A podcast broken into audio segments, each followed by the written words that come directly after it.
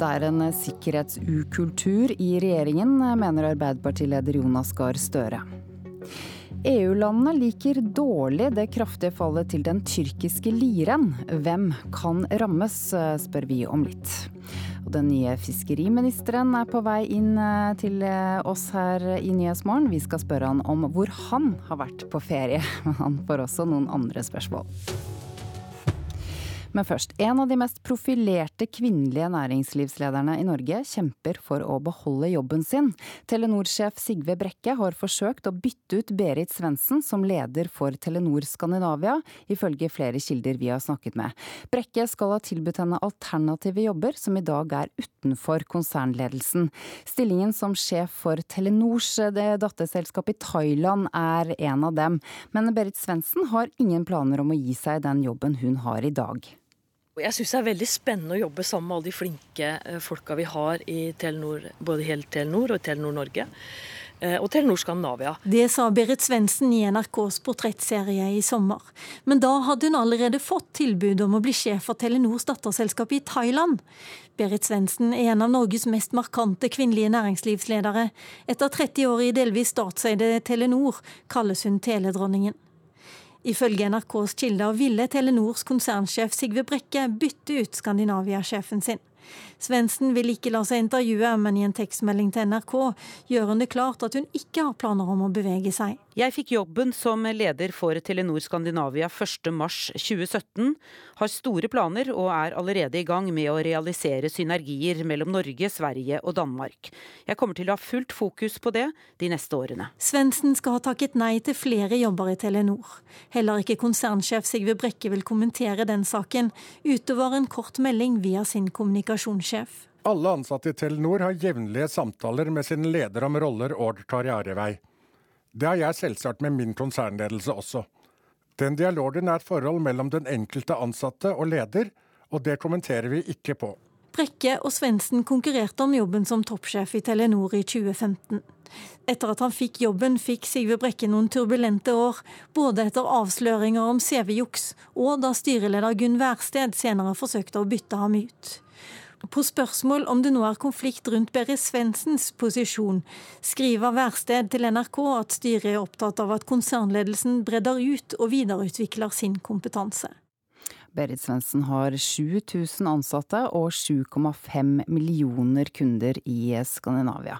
Reporter i saken var Lilla Søllesvik og Trond Lydersen.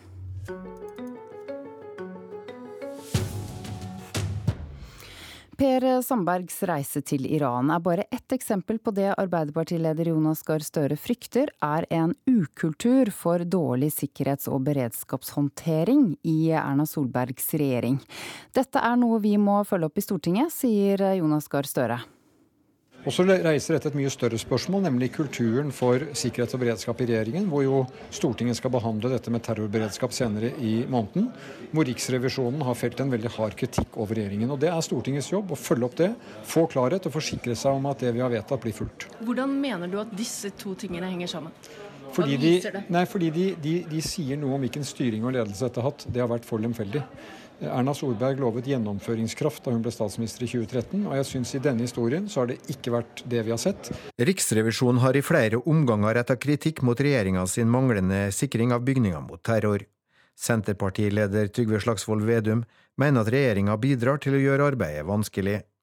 Samværssaken viser jo at de ikke har vært bevisst nok rundt beredskap og rutiner rundt det i regjeringen. Og Det Senterpartiet har kritisert, er den voldsomme nedbygging av Heimevernet samtidig som en gjennomfører en politireform. For det går også utover beredskapen her og nå. Og det mener vi er uansvarlig, å bygge ned Heimevernet og politiet på den måten som regjeringen har valgt å gjøre. Parlamentarisk nestleder Svein Harberg i Høyre mener at Arbeiderpartiets leder Jonas Gahr Støre koker suppe på en spiker når han prøver å gjøre Sandberg-saken til noe større enn det den er.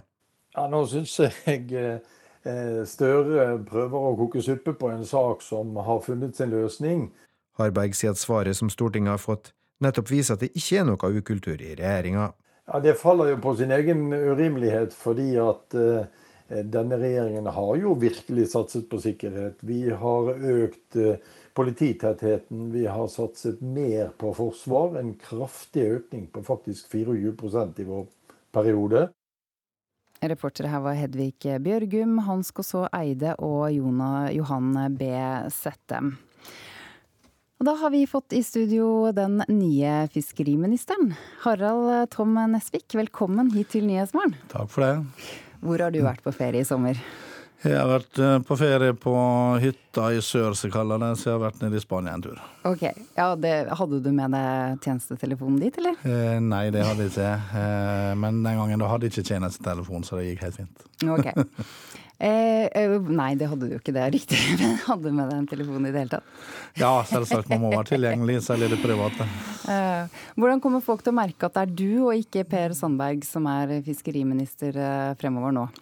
Altså Rent sånn politisk så står det jo jeg og Per Sandberg for det samme, og det er jo regjeringserklæringa så det som danner utgangspunktet for den politikken som føres.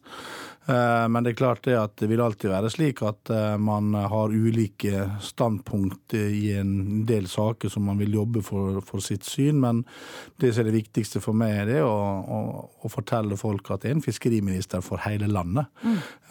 Og at jeg er veldig opptatt av at vi skal ha en variert fiskeflåte. Vi skal ha vekst for å skape verdier. Vi må skape arbeidsplasser og ha veldig fokus på det. Og ting må skje på en bærekraftig måte. Når eh, fikk du vite at du eh, skulle bli den neste fiskeriministeren, eller når ble du spurt? Jeg fikk eh, spørsmål om det nå sist helg. Hvilken del av arbeidet til Per Sandberg lar du deg inspirere av? Per Sandberg var ekstremt flink til å få fokus på en næring som er veldig sånn framtidsretta, og ikke minst kanskje er de aller, aller viktigste næringene for Norge i åra som kommer. Vi har levd godt på olje og gass i dette landet, og vi kommer til å fortsatt leve godt på olje og gass i, i, i årevis og tiår fremover. Men det er viktig at vi har mange bein å stå på. Det er klart det at innenfor både villfisknæringa, fiskeindustrien, oppdrett og havbruk, så har ikke minst andre ting som vi henter fra havet, som da er fornybare ressurser, kommer til å være svært viktig for nasjonen Norge i åra som kommer. Ifølge Wikipedia så har du bl.a. erfaring som selger. Hvor, hvor, nyttig blir den erfaringen når du skal selge fisk i, til utlandet?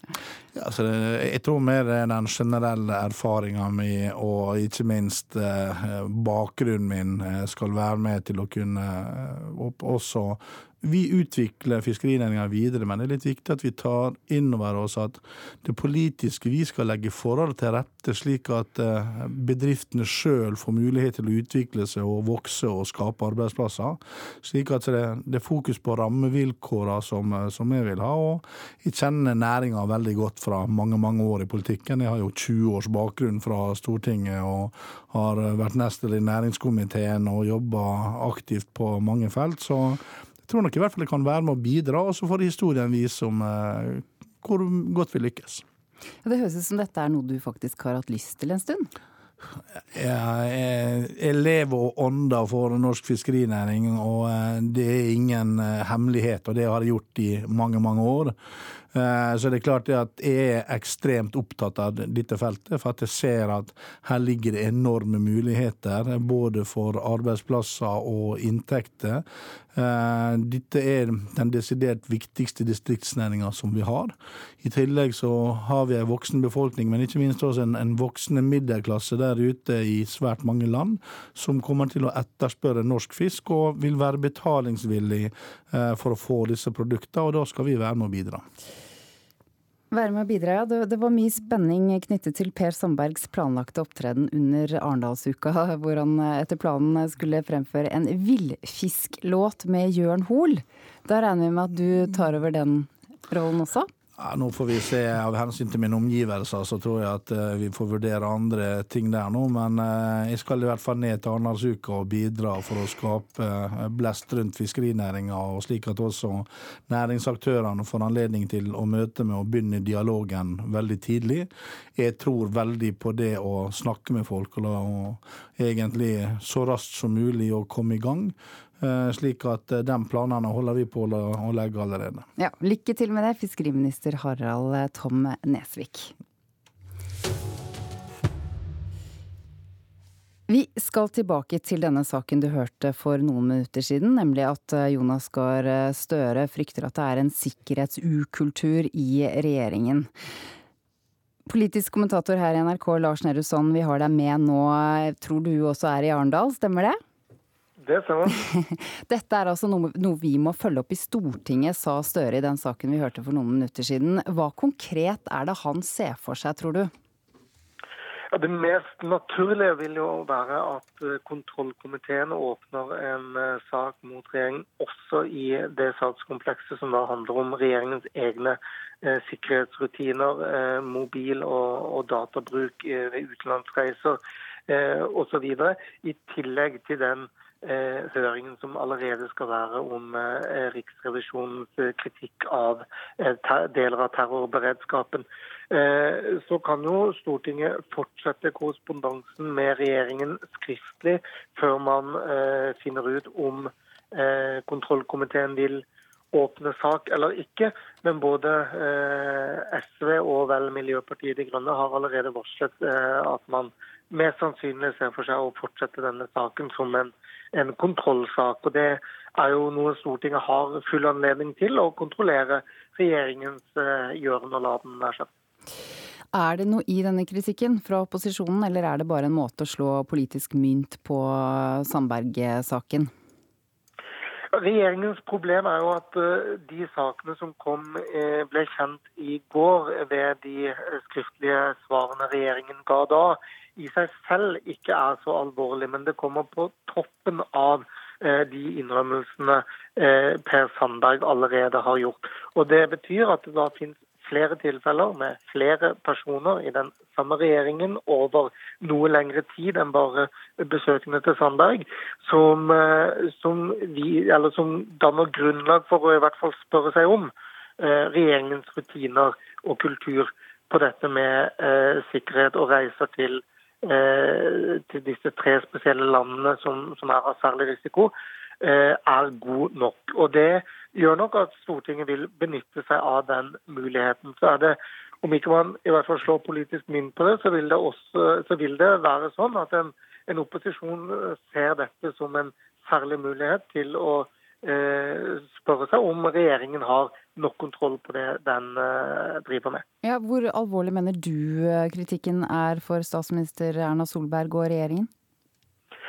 Regjeringen er særlig sårbar for kritikk som handler om eh, sikkerhet og beredskap, fordi regjeringen selv har gått så høyt på banen eh, i den type saker, og fordi eh, det er eh, særskilt alvorlig hva man eh, gjør man dette. Så tror nok uavhengig av eh, på en måte hvilke partier som sitter i regjering til enhver tid, så vil nok sikkerhetseksperter og andre mene at Eh, det norske samfunn som sådan eh, kanskje må tenke mer over eh, risiko og farer for ting man utsetter seg for, enn det som man kanskje har vært opplært til i Norge gjennom år, uavhengig av hvilket parti man er knyttet til eller hvilken næring man jobber i, for den saks skyld.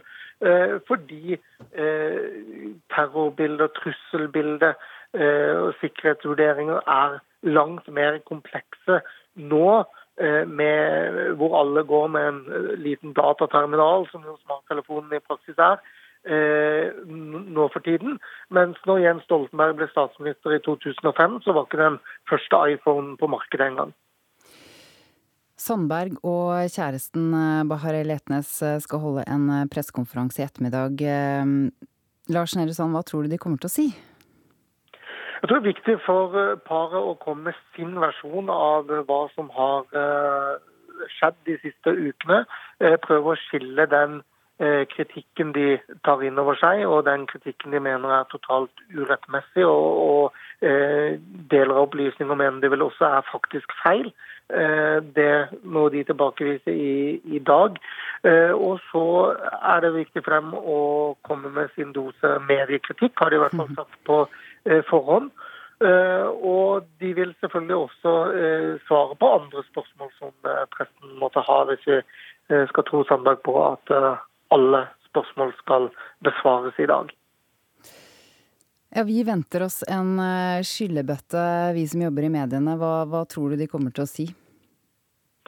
Det går nok spesielt på forskjellen på, på de tos uh, posisjoner og møte med offentligheten. Han som daværende statsråd og har gjort feil og må tåle uh, kritikk og offentlig søkelys, mens uh, hun har nok møtt offentligheten med ja, med større grad av beskyldninger som kanskje kan ha vært urettmessige i noen tilfeller, og, og selvfølgelig også Eh, har hatt andre, eller vanskeligheter for å svare på den kritikken, fordi ikke alt av den har vært, eh, vært eh, så konkret at den har vært lett å svare på. Og så har jo paret vært utsatt for kritikk ikke bare av mediene, men mediedekningen og massiviteten i den har, har gitt grobunn for Eh, en, en, større og helt annen debatt i, i sosiale medier, som selvfølgelig også går inn på eh, enkeltmenneskene som, som, står Altså både dem selv og de som står dem nær. Astrid Randen, jeg eh, tror vi har med deg fra Arendal også. Du har Politisk kvarter derfra om litt over en halvtime. Kvarteret er utvidet til 20 minutter for anledningen. Hva står på menyen? Jo, det som er på menyen her i Arendal Vi skal først høre Frp-leder Siv Jensen. For i går så eh, mista ikke hun bare en statsråd, men også nestlederen sin gjennom mange år. Hun er med i Politisk kvarter for å svare for hva som skjer nå. Og eh, så skal vi få debatt, for eh, Sandberg-saka viser at regjeringa er slepphendte og har dårlig styring på sikkerheten, mener Arbeiderpartiet. De stilna ikke kritikken, sjøl om statsråden måtte gå i går. Hadia Tajik, nestleder i Ap, møter Bent Høie, nestleder i Høyre. Eh, og så skal du få høre hvem av de norske politikerne som er aller mest polariserende. Ja, da er klokken blitt 7.20 eh, her i Nyhetsmorgen. Dette er noen av de viktigste sakene akkurat nå. Så mange som 80 biler er satt i brann av svartkledde ungdommer i Sverige i natt. Det er en kraftig nedgang i nye tilfeller av diabetes 2, som er en av de mest vanlige folkesykdommene i landet. Det kan være skadelig for barn å se foreldrene sine ruset, selv om det bare er noen få ganger i året, viser forskning ved Universitetet i Agder og det får du høre mer om om noen minutter. Men først, i EU-landene så frykter de politiske lederne nå konsekvensene av den tyrkiske lirens kraftige verdifall. Uroen knytter seg både til økonomi og politikk. Og europakorrespondent Philip Lote, for å ta det økonomiske først. Hva er faren, og hvem er det som kan rammes av denne, dette kraftige fallet i liren? Den mest konkrete eh, risikoen den er det italienske og spanske banker som har. Eh, som da har eksponert seg for forretning og har stor forretning i, eh, i Tyrkia. og Det gjelder da særlig den spanske banken BBVA, den italienske banken Unicredit, men også franske BNP og nederlandske ING. Deutsche Bank, en annen bank, har regnet ut hva det vil koste dem og Hvis de bare skal trekke seg ut av det tyrkiske markedet hvis økonomien der kollapser, og for f.eks. spanske BBVA, så ville det være 12% av deres verdi. Så det, det er relativt store eh, verdier det er snakk om her. I tillegg så er også Eh, reiselivsbransjen, f.eks. i Storbritannia, kan rammes. Eh, charterfirmaet eh, TUI eh, har falt i verdi på børsene. Og så er det selvsagt eh, tyrkiske bedrifter da, som tjener pengene sine i lire, eh, men må betale gjeld i euro. de vil ha problemer med det, så da vil det komme i det store og hele mindre penger for å betjene gjeld fra Tyrkia til europeiske land politisk, hvis vi skal ta det nå da, hva frykter EUs ledere og regjeringssjefer? Ja, de frykter først og fremst at et eh, stort og viktig naboland skal eh, destabiliseres. og Allerede i forrige måned, så tok, eh, egentlig ganske lenge før dette klimakset, så tok EU-ledere kontakt med Verdens pengefond, IMF, for å bare høre om de ville være villige til å hjelpe Tyrkia. Dette er da en hjelp som uh, Tyrkias president Erdogan har sagt uh, nei takk til. Han vil eh, kjempe det som han kaller en økonomisk krig, og det uroer jo europeiske ledere enda mer, for de tror ikke de kan Eh, at Tyrkia kan vinne en sånn økonomisk krig. Eh, og Det de frykter for aller mest, er jo eh, immigrantavtalen fra 2016, hvor EU gikk med på å betale Tyrkia 6 milliarder euro mot at de stanset strømmen av flyktninger, da, i hovedsak fra Syria, som da krysset over til EU. Et destabilisert, svekket Tyrkia frykter de vi kan gå vekk fra denne avtalen og da begynne å, å slippe flyktninger og migranter inn i EU igjen. Tyrkia og USA er jo allierte i Nato. Hva tenker de andre allierte om konflikten eh, mellom Tyrkia og USA nå? Altså, under hånden så blir det sagt at man uh, frykter at uh, Donald Trump nærmest bruker sanksjoner som en militær leder i krig ville brukt missiler og raketter. Uh, at han fyrer løs for å ramme de som går imot han. Og det er noe med proporsjonen her som jeg tror noen ikke liker. At Eh, amerikansk pastor sitter fengslet og ikke blir løslatt, eh, er kanskje ikke proporsjonalt med de virkemidlene som Trump velger eh, å bruke. Så det er helt klart at De føler at USA kanskje nå presser Tyrkia vel hardt, setter forholdet til et viktig Nato-land på spill. og Tyrkia har jo allerede for henvendt seg til Putin og Russland for for økonomisk hjelp. så det er helt klart at denne saken her kan være viktig eh, for det videre forholdet eh, som, for e, Tyrkia som Nato-land, men også for eh, Tyrkias forhold til EU, som frem til nå offisielt har de ønsket en tilnærming og kanskje også hatt som fremdeles en offisiell ambisjon å bli medlem av EU. Nå virker dette lenger unna enn noen gang. Takk, europakorrespondent Philip Lote.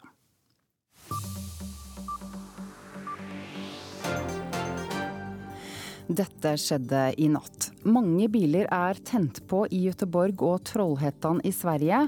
Dette skjer jo med jevne mellomrom, men i natt er det snakk om veldig mange biler, så, så mange som 80 ifølge SVT.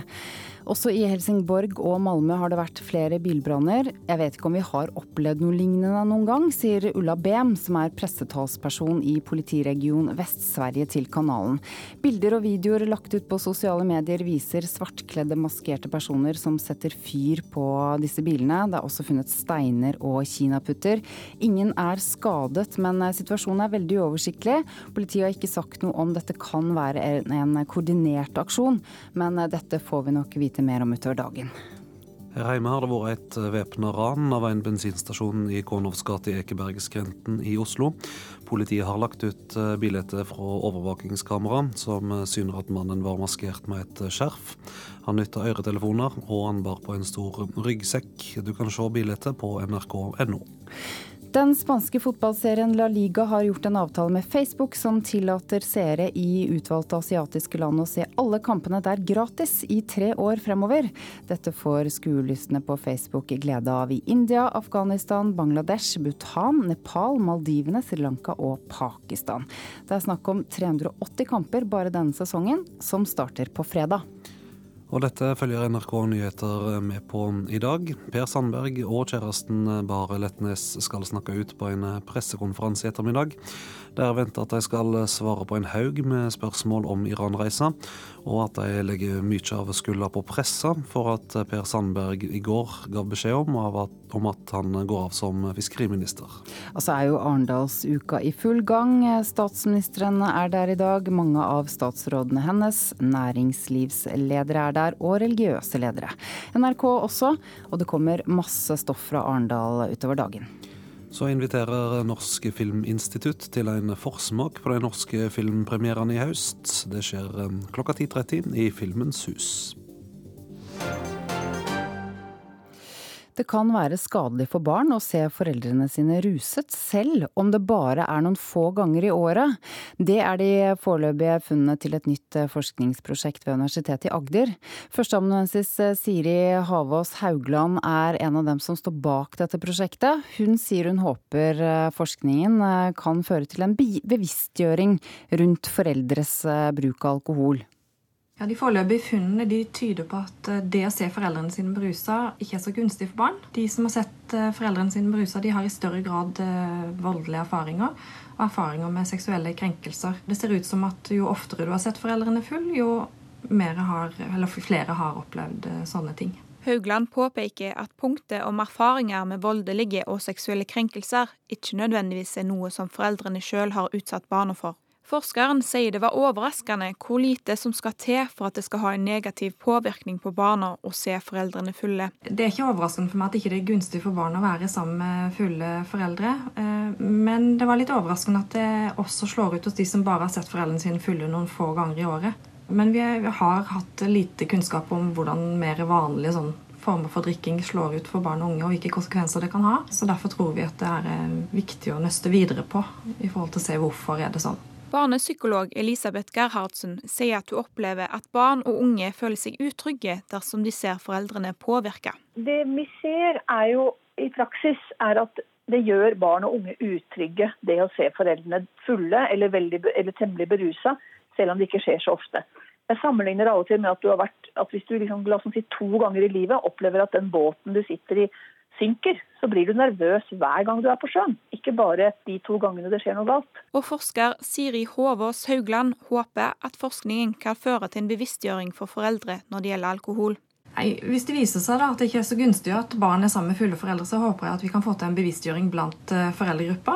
Og så håper jeg at vi får til uh, mindre fyll der barn er unge og oppholder seg. Reporter her var Iris Elin Ulvang.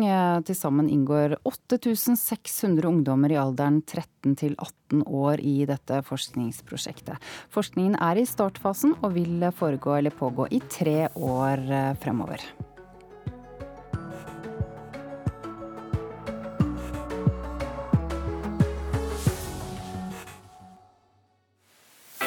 NRK P2. Hvert år sparkes den politiske høsten i gang på Arendalsuka. Alt som kan krype og gå av samfunnstopper Ja da, vi er klare, vet du. og ildsjeler Det er ikke sånn kommer for å diskutere og posisjonere seg. Få med deg debattene og de morsomste snakkisene. Det er jo morsomt med debatter.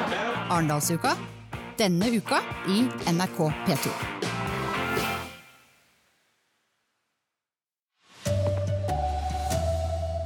Jonas Gahr Støre frykter det er en ukultur i regjeringa når det gjelder tryggings- og beredskapshåndteringa. Ap koker suppe på spiker, svarer Høyre. Minst 80 bilbranner i Sverige i natt. Den svenske statsministeren er rasende. Jeg blir forbannet. På riktig. Og eh, min spørsmål til dem her er hva faen holder de på med? Færre får eh, diabetes type 2, og det overrasker forskerne. Her er NRK Dagsnytt klokka 7.30. Per Sandbergs reise til Iran er et eh, døme på det Jonas Gahr Støre frykter er en ukultur i regjeringa. Tryggings- og beredskapshåndteringa i regjeringa er for dårlig, mener Arbeiderpartilederen, og sier dette er noe som partiet vil følge opp i Stortinget. Og så reiser dette et mye større spørsmål, nemlig kulturen for sikkerhet og beredskap i regjeringen, hvor jo Stortinget skal behandle dette med terrorberedskap senere i måneden. Hvor Riksrevisjonen har felt en veldig hard kritikk over regjeringen. Og Det er Stortingets jobb å følge opp det, få klarhet og forsikre seg om at det vi har vedtatt, blir fulgt. Hvordan mener du at disse to tingene henger sammen? Fordi, de, nei, fordi de, de, de sier noe om hvilken styring og ledelse dette har hatt. Det har vært for lemfeldig. Erna Solberg lovet gjennomføringskraft da hun ble statsminister i 2013, og jeg syns i denne historien så har det ikke vært det vi har sett. Riksrevisjonen har i flere omganger retta kritikk mot regjeringa sin manglende sikring av bygninger mot terror. Senterpartileder Trygve Slagsvold Vedum mener at regjeringa bidrar til å gjøre arbeidet vanskelig. Sandberg-saken viser jo at de ikke har vært bevisst nok rundt beredskap og rutiner rundt det i regjeringen. Og Det Senterpartiet har kritisert, er den voldsomme nedbyggingen av Heimevernet samtidig som en gjennomfører en politireform. For det går også utover beredskapen her og nå. Og det mener vi er uansvarlig, å bygge ned Heimevernet og politiet på den måten som regjeringen har valgt å gjøre. Parlamentarisk nestleder Svein Harberg i Høyre mener at Arbeiderpartiets leder Jonas Gahr Støre koker suppe på en spiker når han prøver å gjøre Sandberg-saken til noe større enn det den er. Ja, nå synes jeg eh, Støre prøver å koke suppe på en sak som har funnet sin løsning. Harberg sier at svaret som Stortinget har fått, nettopp viser at det ikke er noe ukultur i regjeringa. Ja, Det faller jo på sin egen urimelighet, fordi at eh, denne regjeringen har jo virkelig satset på sikkerhet. Vi har økt eh, polititettheten, vi har satset mer på forsvar. En kraftig økning på faktisk 24% i vår periode. Reportere Johan B. Settem, Hedvig Bjørgum og Hans Kosson Eide. I går ble altså Frp-veteran Harald Tom Nesvik utnevnt til ny fiskeriminister etter at Per Sandberg måtte trekke seg etter den omtalte Iran-ferien. Nesvik, som har vært i Spania i sommer, sier han og forgjengeren står for mye av det samme.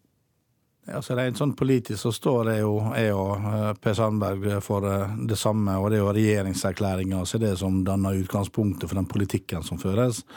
Eh, men det er klart det at det vil alltid være slik at man har ulike standpunkt i en del saker som man vil jobbe for, for sitt syn, men det som er det viktigste for meg, det er å, å, å fortelle folk at det er en fiskeriminister for hele landet. Når fikk du vite at du skulle bli den neste fiskeriministeren, når ble du? Spurt? Jeg fikk eh, spørsmål om det nå sist helg.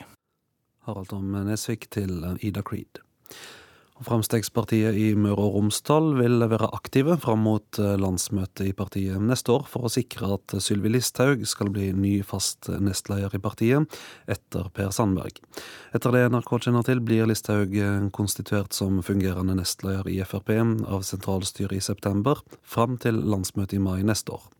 Fylkesleder Frank Sveen tror Listhaug blir samlende for partiet. Tilbakemeldingen vi får fra våre velgere er jo tydelig på at det, det er det de nå ønsker. Sylvi står for grasrota i partiet. Hun er, er, på en måte folk flest sin eh, kandidat. Så eh, er ingen tvil om at Sylvi kommer til å gjøre en knallgod jobb som eh, nestleder, dersom hun blir valgt. Vi gjorde vedtak allerede i juni og fremmer det nå, når det, når det var naturlig å gjøre det. Og vi vil selvsagt jobbe inn mot eh, sentralstyret når det skal, skal velges eh, en der, og landsstyret litt senere, og også nå til landsmøtet til neste år. Den svenske statsministeren Stefan Löfven reagerer svært kraftig på bilbrannene i Sverige i natt. Minst 80 biler ble sett i brann i Gøteborg og Trollhättan i går kveld og utover natta. Overvåkingsbildet syner svartkledde ungdommer som heller brennbar væske på bilene og så tenner på. Löfven sier til Sveriges Radio at han lover regjeringa vil slå hardt tilbake. Jeg blir forbannet. På riktig. Og uh, min spørsmål til dem her er hva faen holder dere på med? Det här, kommer alltid å agere hårt mot det her, og vi måste fortsette. det. Vi har høyt straffen rejält for dette. Eh, för grov skadegörelse. Vi kommer också i höst att lägga en proposition om just attacker på, också attacker på blåljuspersonal som ju ofta brukar följa spåren av detta. Mm.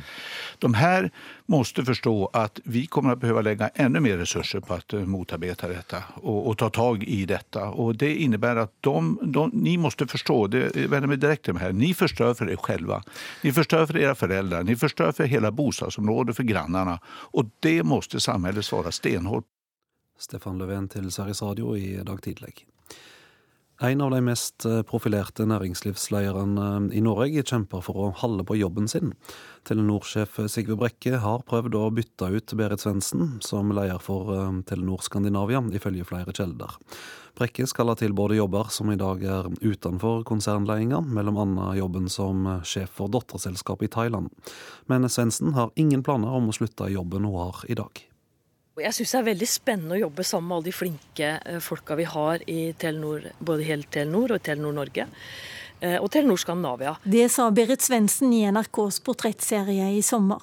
Men da hadde hun allerede fått tilbud om å bli sjef for Telenors datterselskap i Thailand. Berit Svendsen er en av Norges mest markante kvinnelige næringslivsledere. Etter 30 år i delvis statseide Telenor kalles hun teledronningen. Ifølge NRKs kilder ville Telenors konsernsjef Sigve Brekke bytte ut Skandinavia-sjefen sin. Svendsen vil ikke la seg intervjue, men i en tekstmelding til NRK gjør hun det klart at hun ikke har planer om å bevege seg. Jeg fikk jobben som leder for Telenor Skandinavia 1.3.2017, har store planer og er allerede i gang med å realisere synergier mellom Norge, Sverige og Danmark. Jeg kommer til å ha fullt fokus på det de neste årene. Svendsen skal ha takket nei til flere jobber i Telenor. Heller ikke konsernsjef Sigve Brekke vil kommentere den saken, utover en kort melding via sin kommunikasjonssjef. Alle ansatte i Telenor har jevnlige samtaler med sin leder om roller og karrierevei. Det har jeg selvsagt med min konsernledelse også. Den dialogen er et forhold mellom den enkelte ansatte og leder, og det kommenterer vi ikke på. Brekke og Svendsen konkurrerte om jobben som toppsjef i Telenor i 2015. Etter at han fikk jobben, fikk Sigve Brekke noen turbulente år, både etter avsløringer om CV-juks og da styreleder Gunn Wærsted senere forsøkte å bytte ham ut. På spørsmål om det nå er konflikt rundt Berre Svendsens posisjon, skriver Værsted til NRK at styret er opptatt av at konsernledelsen bredder ut og videreutvikler sin kompetanse. Reporter Lilla Sølvesvik og Trond Lydersen. I flere år har eh, forskere vært uroa over den eh, kraftige veksten av diabetes type 2, men ny forskning byr på en gledelig overrasking. For første gang blir færre diagnostisert med den kroniske sykdommen. Og nedgangen er kraftig. På seks år har tallet på nye tilfeller gått ned fra 16 000 i året til 11 000, sier forsker Hanne Gulseth ved Folkehelseinstituttet. Ja, vi ble jo nesten sjokkert når vi så disse tallene for første gang. Dette er liksom blodsukkerapparatet mitt. Britt Henne drar fram et lite apparat med nål og stikker hull på fingeren så en dråpe blod pipler ut. Og så kommer den fram der. Nå kommer 9,6. Altså veldig bra. Hun trenger verken insulinsprøyte eller å spise akkurat nå. Og sånn går dagene for Britt og rundt 200 000 andre her i landet med diabetes type 2. En sykdom som ofte skyldes overvekt og usunn livsstil, men også andre ting som genetikk, og som kan føre til alvorlige komplikasjoner. Den øker risikoen for hjerte-karsykdom, for kreft, for at man må nyretransplanteres, eventuelt for amputasjoner. Sier forsker Hanne Gulseth. Nye tall fra Folkehelseinstituttet viser at færre får diabetes type 2 her i landet. En nedgang på 30 på seks år. Og Det gjelder både for menn og kvinner, det gjelder for unge og eldre, og det gjelder også for eh, ulike etniske grupper. Årsaken til nedgangen vet hun ikke. Men vi kan uh, spekulere i og håpe på at det er fordi at befolkningen har tatt til seg de gode rådene vi har om sunnere levevaner. Det gjenstår likevel mye arbeid, for fortsatt får i snitt 41 nye personer type 2-diabetes hver dag. Vi er mange som har det travelt og ikke har tid til å følge alle de rådene vi virker, og det er en utfordring for helsemyndighetene i årene framover. Å få implementert de tiltakene vi vet virker for å forebygge uh, type 2-diabetes. Det sa forsker um, Hanne Gulseth ved Folkehelseinstituttet. Reporter var Marit uh, Gjelland. Ansvarlig for sendinga Marianne Løkkevik, i studio Vidar Eidhammer.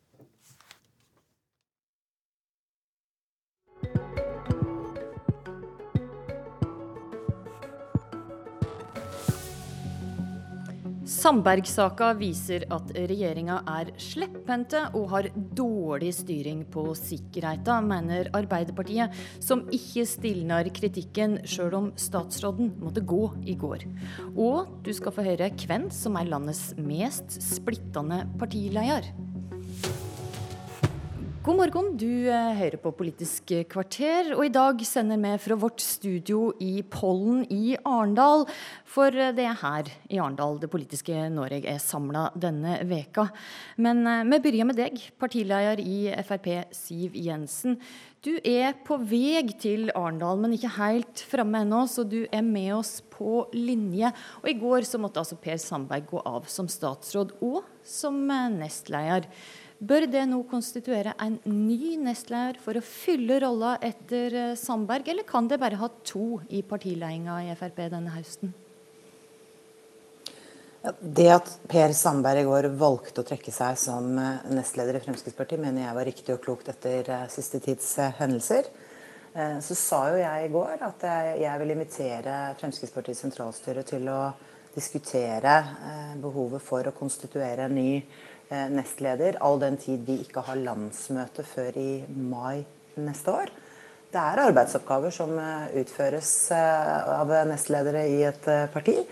Så jeg tenker det er naturlig at vi tar den diskusjonen. Til Aftenposten i dag så sier stortingsrepresentant for Frp Morten Ørsal Johansen at det ikke er klokt å hente inn en midlertidig eller konstituert nestleder han mener dette legger for sterke føringer når landsmøtet neste år skal velge en ny nestleder. Forstår du det argumentet? Jeg registrerer at det er eh, mye debatt om eh, fremtidig lederskap i Fremskrittspartiet, og det er bra. Det tyder på at vi har mange, mange gode kandidater, og det er jo et luksusproblem for et eh, parti. Men forstår du at det, det å velge en midlertidig sånn, midlertidig nestleder legger føringer for landsmøtet når de skal velge en ny nestleder Tausen? Jeg forstår at det er en eh, diskusjon om dette, men det er uansett sånn at eh, en eventuelt konstituert nestleder vil jo ikke være valgt eh, av det organet som velger ledere i Fremskrittspartiet. Det er det bare landsmøtet som gjør, og delegatene der. Så alle andre utnevnelser vil være midlertidige. Og definitivt ikke, ikke av de som har myndighet til å utnevne ledelse. Så du mener at dette ikke legger noen føringer for landsmøtet som altså er neste vår? Det er helt og holdent opp til delegatene på et landsmøte å bestemme hvem de ønsker skal sitte i partiets ledelse og i sentralstyret. Eh, og det er jo slik at eh, Vi har en valgkomité som er i arbeid i god tid opp mot et landsmøte, bestående av de største fylkeslagene våre. Eh, og de pleier å gjøre en god og grundig jobb i denne type spørsmål. VG skrev i går at du har avklara med Sylvi Listhaug at hun kan ta over som midlertidig nestleder, og dette gjorde du før Per Sandberg gikk av. Kan du avkrefte eller stadfeste dette? Ja, Det kan jeg avkrefte. Jeg aner ikke hvor VG har eh, den type eh, påstander fra. Eh, det er eh, ikke jeg som utnevner eller utpeker noen i Fremskrittspartiet. De, hos oss blir folk valgt på demokratisk vis. Eh, men det jeg sa i går, og det mener jeg, er jo at Sylvi er en av flere flotte, flinke kandidater. Hun er populær, hun er godt likt i Fremskrittspartiet, godt kjent. Og jeg er glad for at vi har mange sterke kandidater som står klar til å fylle tomrommet. På eh, pressekonferansen i går så roste Per Sandberg eh, statsminister Erna Solberg opp i skyene. Han sa rett og slett at hun var det mest fantastiske mennesket han hadde møtt. Men han nevnte ikke det. Har det skjedd noe? Nei, Per og jeg har uh, hatt et svært nært og godt forhold gjennom veldig veldig mange år. Husk at han har vært min nestleder helt siden jeg ble partileder tilbake i 2006. Så vårt nære forhold har jo ikke endret seg. Og jeg syns jo gårsdagen var litt eh, vemodig. Eh, men jeg mener det var riktig av Per eh, å trekke den konklusjonen han gjorde, nemlig at han ville trekke seg både som statsråd og som nestleder i Fremskrittspartiet. Men så er det jo sånn at den pressekonferansen som vi var vitne til mellom statsministeren og Per Sandberg, var den formelle delen av en statsråds avgang. I ettermiddag har Sandberg varsla ei ny pressekonferanse sammen med kjæresten, der de skal svare på alle spørsmål og fortelle hvordan de syns at de har blitt behandla bl.a. av pressa. Kommer du til å følge spent med? Nå har jeg eh, arbeidsoppgaver gjennom dagen. Eh, men jeg er sikker på at eh, mediene kommer til å formidle hva som skjer der. Jeg er ingen av oss andre som vet hva de har tenkt å si eller gjøre, så det blir spennende. Ja, det blir spennende. Takk for at du var med i Politisk kvarter, Siv Jensen. Sandberg-saka viser at regjeringa er slepphendte og har dårlig styring på sikkerheten. Det mener altså Arbeiderpartiet. Og i går tok regjeringa konsekvensen av sikkerhetsbruddene som Per Sandberg hadde gjort. Han måtte gå. Nestleder i Ap, Hadia Tajik, var det dette du ville? Vi ser jo at det har vært gjentatte og alvorlige brudd på sikkerhetsreglene. Og at oppfølgingen av eh, saken knytta til Per Sandberg har vært ganske kaotisk. Og så måtte jo Per Sandberg gå av, og jeg tror alle er enige om at det var rett av han å gjøre. Men eh, pressekonferansen i går eh, med Erna Solberg den reiser jo likevel noen nye spørsmål som må besvares. F.eks. så eh, trenger vi å få på bordet om det er sånn at alle de sikkerhetsbruddene som nå har kommet på bordet og har blitt beklaga fra flere hold, har det ført til at informasjon knytta til Norge har blitt kompromittert? Eh, vi trenger òg å få vite hva det er som har skjedd fra Erna Solbergs første respons om at alle kan gjøre feil, og til i går der vi òg så at Per Sandberg var nødt til å tre av som fiskeriminister. Men det som virkelig bekymrer meg, det er at det ser ut til å være et mønster her i eh, en svak sikkerhetskultur, eh, i et fraværende lederskap knytta til sikkerhet og beredskap i denne regjeringa. Når regjeringa har vært nødt til å innrømme at det slett ikke er første gangen at en statsråd eller en statssekretær drar til et høyrisikoland med elektronisk kommunikasjon, med sensitiv informasjon. Eh, tilgjengelig på jobbtelefonen uten for, å ha gjort skikkelige vurderinger. Vi får begynne med det som handler om eh, Per Sandberg. Og vi har med oss eh, nestleder i Høyre, Bent Høie. Og ta det første først. Altså, har informasjon blitt kompromittert, og vil offentligheten få vite det om så har skjedd? Per Sandberg eh, svarte jo Stortinget som noe av det siste han gjorde før han gikk av som statsråd om det i går, der han òg eh, svarte at det var ikke eh, informasjon eh, som, eh, som omfatter rikets sikkerhet og den type spørsmål eh, på telefonen hans når han var i Iran. Så, det betyr at det er trygg på at ikke noe informasjon har blitt kompromittert i forhold til samværet? Så det har, det har, han allerede svart til Stortinget. Det andre som også er svart til Stortinget i går, er jo at nettopp eh, har statsrådene som har vært ute og reist, Eh, eh, fått råd knytta til sikkerhet eh, og fulgt, fulgt, de rådene. Sånn at her er det ikke snakk om, som Arbeiderpartiet prøver å skape et bilde av, at det er en ukultur i regjeringen, eller at regjeringen ikke har en sterk ledelse på dette området. Tvert imot. Svaret til Stortinget viser det motsatte. Og Det betyr at det, det vi står forbi her, er at Per Sandberg har gjort noen feil Eh, den alvorligste feilen gjorde, han i en situasjon der han hadde en veldig vanskelig livssituasjon. Han tok konsekvensen av det og godt av. Betyr ikke dette Hadia Tajik, at faktisk regjeringa tar sikkerhet på alvor når det fikk såpass alvorlige konsekvenser det bråtet som skjedde? Nei, og jeg merker meg at uh, Bent Høie avgrenser svaret sitt til at uh, jobbtelefonen til Per Sandberg ikke inneholdt informasjon om rikets sikkerhet. Man må jo ta inn over seg at uh, noe som kan skape sårbarheter for landets regjering, ikke bare handler om rikets sikkerhet, men om sensitiv informasjon. Eh, F.eks. om relasjoner mellom statsråder eller mellom medlemmer i regjeringa, eller annen type forberedende eh, arbeid som kan eh, brukes mot medlemmer av regjeringa, eller som kan brukes som altså en del av et større puslespill som kan gjøre den norske regjeringa og informasjon knytta til den norske regjeringa mer sårbart enn det det, det hadde trengt å være. Okay, så når Bent Høie avgrenser sånn som han gjør, så er det ikke riktig å gjøre det. Hei. Og Det er jo riktig å gjøre, fordi det er nettopp uh, av den grunn som du sier, at det er annen type informasjon som selvfølgelig ikke heller en ønsker uh, skal komme andre i hendene. Derfor er det vi har sikkerhetsregler Eh, som, eh, som følges eh, av regjeringen. Per Sandberg gjorde ikke det. Han har beklaga det, og han har gått av. Men det som du òg ser av svaret til Stortinget i går, det er at de andre statsrådene i regjeringen har fulgt de rådene som har fått. F.eks. Ketil Solvik-Olsen fikk et råd fra sitt embetsverk at det var tilstrekkelig skru av telefonen, sette den på flymodus når han skulle ha en kort tur over grensen til Russland. Det gjorde han.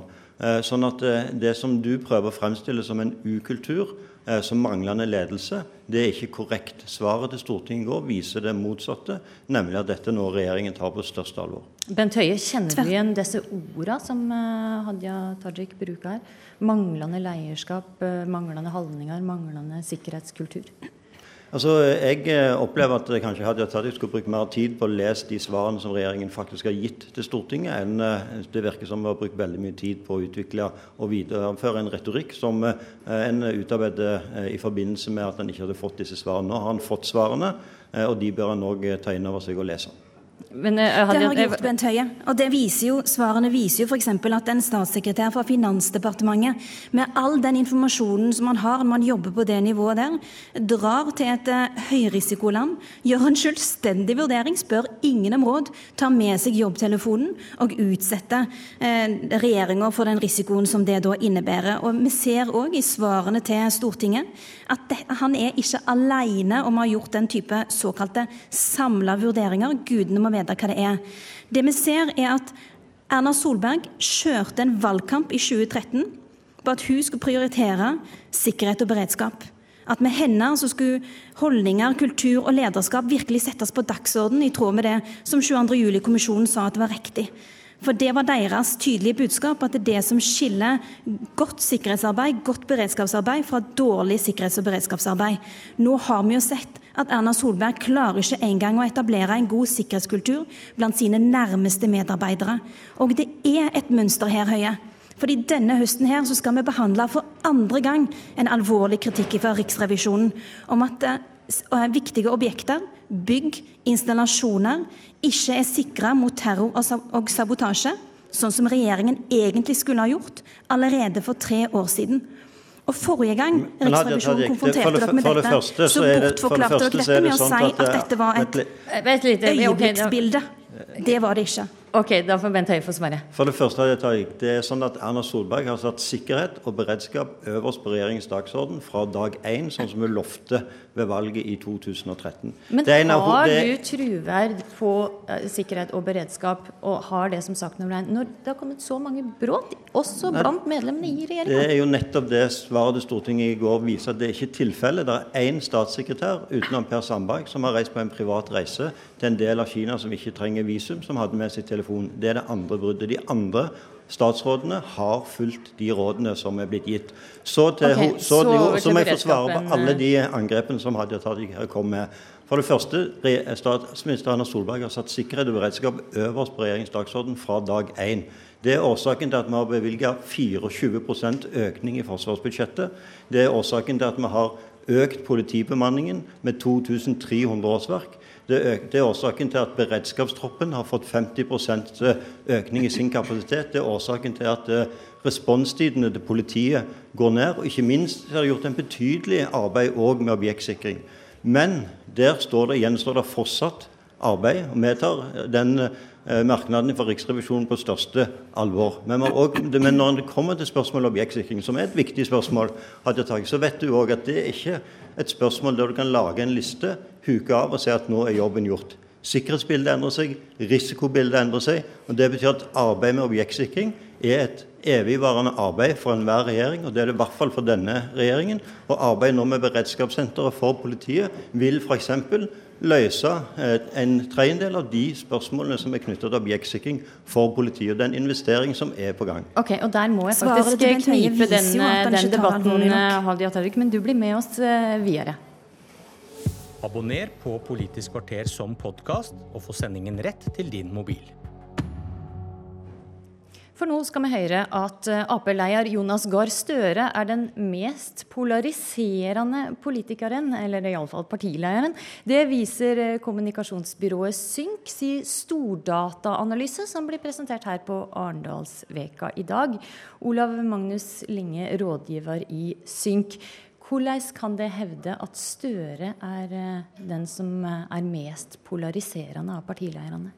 Det vi har gjort, er å analysere data fra mer enn 50 millioner norske websider og se på omtalen av de ulike partiene og de ulike partilederne. Vi leter etter hva ord og begrep som blir brukt for å beskrive dem, både negative ord og positive ord. Det vi ser for det første er at 2018 har vært et dårlig år for norsk politikk. Partiene er mer negativt omtalt i år enn de var i fjor, og partilederne er det samme. Den som er mest splittende i eh, vår analysemodell, er Jonas Gahr Støre. Han har både mye positiv omtale, men enda mer negativ omtale rundt seg enn noen annen partileier. Og Det er nytt at Arbeiderpartiets leder er den mest splittende av partilederne. Men eh, det har konkurranse i toppen eh, her? Ja, det er det. Og fløypartiene sine ledere er også veldig polariserende. Det er kanskje mer naturlig. De er jo i en posisjon der de gjerne tar tøffe posisjoner og går hardt i verks i debatten. Vi ser at alle partilederne har mer negativ enn en positiv omtale til seg, men det er særlig fløypartiene og Støre som slår ut i vår modell. Hva er grunnen til akkurat Støre havna på toppen? Vi vil ikke gå inn og analysere årsakene til at partiene gjør de valgene de gjør, eller hvordan partilederne opptrer, men vi ser i alle fall to ting. Det ene er at utviklinga er vedvarende over tid for Støre. Våren 2017 var knekkpunktet der han ble stadig mer polariserende. Og det er den negative omtalen som driver eh, den splittinga. Altså en stadig mer negativ omtale av Støre som er årsaken til at han kommer ut som han gjør i vår modell. Så det er Erna Solberg. Hun eh, vekker ikke så sterke kjensler. og eh, Folk knytter færre positive holdninger til henne enn før. Eh, forklar. Der Støre kanskje er mer splittende, så er Solbergs problem kanskje det motsatte. Hun eh, utløser lite engasjement, både positivt og negativt. Vi ser at den positive omtalen av Erna Solberg er synkende. Det er den negative også. Det betyr at det kanskje er mer likegyldighet til hun enn det er til andre partiledere i Norge i dag. Så til et annet spørsmål eh, som heter sakseierskap. Altså hvem som dominerer debatten på de ulike saksfeltene. Analysen til Synk viser at Høyre er partiet som er tettest knyttet eldreomsorg, helse, skole, barnehager og familiepolitikk. Arbeiderpartiet til sysselsetting. Men så har det skjedd et skifte på feltet innvandring? For her har Frp dominert i flere år. Hva er det som har skjedd nå, Linge? Det er et analyseinstitutt er enig når vi har gjort, det å se på hvordan ord er knyttet til partiene. Og Det som har skjedd i 2017 og 2018, er at Arbeiderpartiet har rykka opp og blitt tett knyttet til innvandringsfeltet. Det er et uh, klart trendskifte, og nå er Arbeiderpartiet og Frp nesten like tett kobla sammen til innvandring, uh, og dominerer den debatten seg imellom.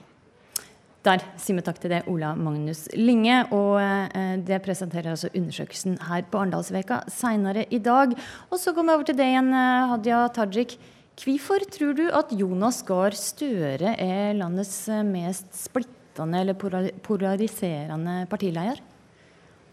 Først så vil jeg si at eh, Når det gjelder denne type big data-innsamling, så er det veldig nyttig for store trender.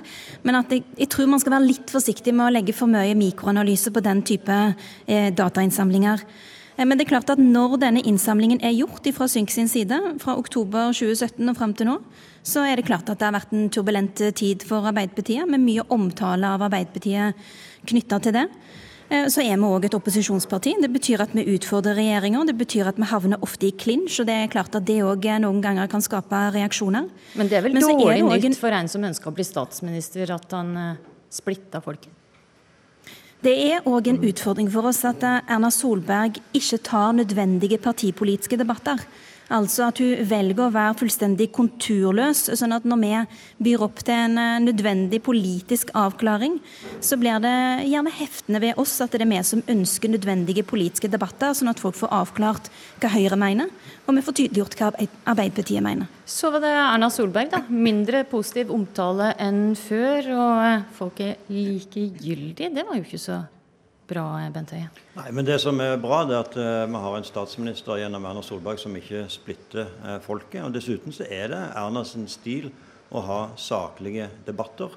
Uh, og hun er aldri redd, som Hadia Tajik prøver å fremstille som, det stiller opp i en dør. Tvert imot, vi har en statsminister som stiller en gang i måneden i Stortingets spontane spørretime nettopp for å få liv i den, eh, i den politiske altså, det skal jo en statsminister gjøre. Så, så, det som jeg ser, er at hun stiller opp i debatter, men hun fører en saklig debatt. og jeg tror at befolkningen er glad for at de har en statsminister som ikke splitter. og Det ser vi òg, at Erna Solberg er en veldig populær både statsminister og, og partileder. Som det absolutt er ingen grunn til å skifte ut. Ok, Dermed må jeg si takk Bent Høie og Hadia Tajik for Politisk kvarter fra Arendal er slutt. Men følg med utover dagen og i kveld